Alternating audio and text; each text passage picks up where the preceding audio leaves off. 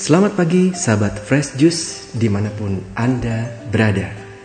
Kembali dari tempat isoman Saya Yofi Setiawan Mengajak kita semua untuk merenungkan Fresh Juice hari ini Jumat 25 Februari 2022 Bersama Pastor Ardi Watu Seke MSC dari Manado. Selamat mendengarkan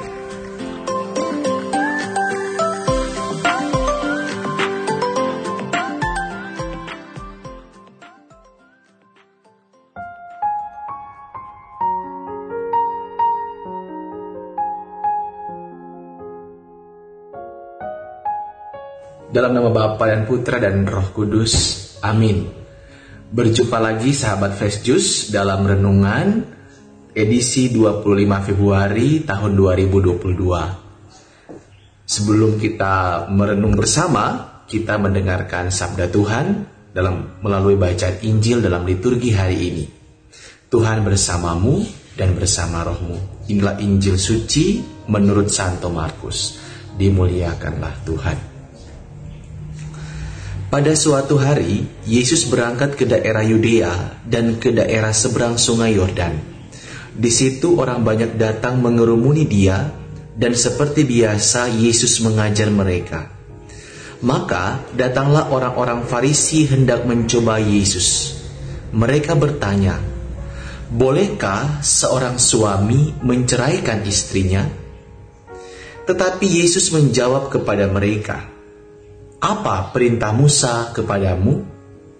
Mereka menjawab, Musa memberi izin untuk menceraikannya dengan membuat surat cerai. Lalu Yesus berkata kepada mereka, "Karena ketegaran hati mula, Musa menulis perintah untukmu. Sebab pada awal dunia Allah menjadikan mereka pria dan wanita." Karena itu, pria meninggalkan ibu bapaknya dan bersatu dengan istrinya. Keduanya lalu menjadi satu daging. Mereka bukan lagi dua, melainkan satu. Karena itu, apa yang dipersatukan Allah janganlah diceraikan manusia. Setelah mereka tiba di rumah, para murid bertanya pula tentang hal itu kepada Yesus. Lalu Yesus berkata kepada mereka, Barang siapa menceraikan istrinya, lalu kawin dengan wanita lain, ia hidup dalam persinahan terhadap istrinya itu. Dan jika istri menceraikan suaminya, lalu kawin dengan pria yang lain, ia berbuat sinah. Demikianlah sabda Tuhan. Sobat Fresh Juice yang terkasih, menurut laporan Biro Pusat Statistik tahun 2021, angka perceraian meningkat. Pada survei tahun 2015, angka pasangan yang bercerai 3,9 juta pasang. Sedangkan pada survei tahun 2020, jumlah pasangan yang bercerai di Indonesia adalah 4,7 juta pasangan. Menurut sumber yang sama, ada tiga alasan utama pasangan bercerai. Pertama, karena perselisihan terus-menerus. Yang kedua, perselingkuhan atau orang ketiga. Dan yang ketiga adalah masalah ekonomi.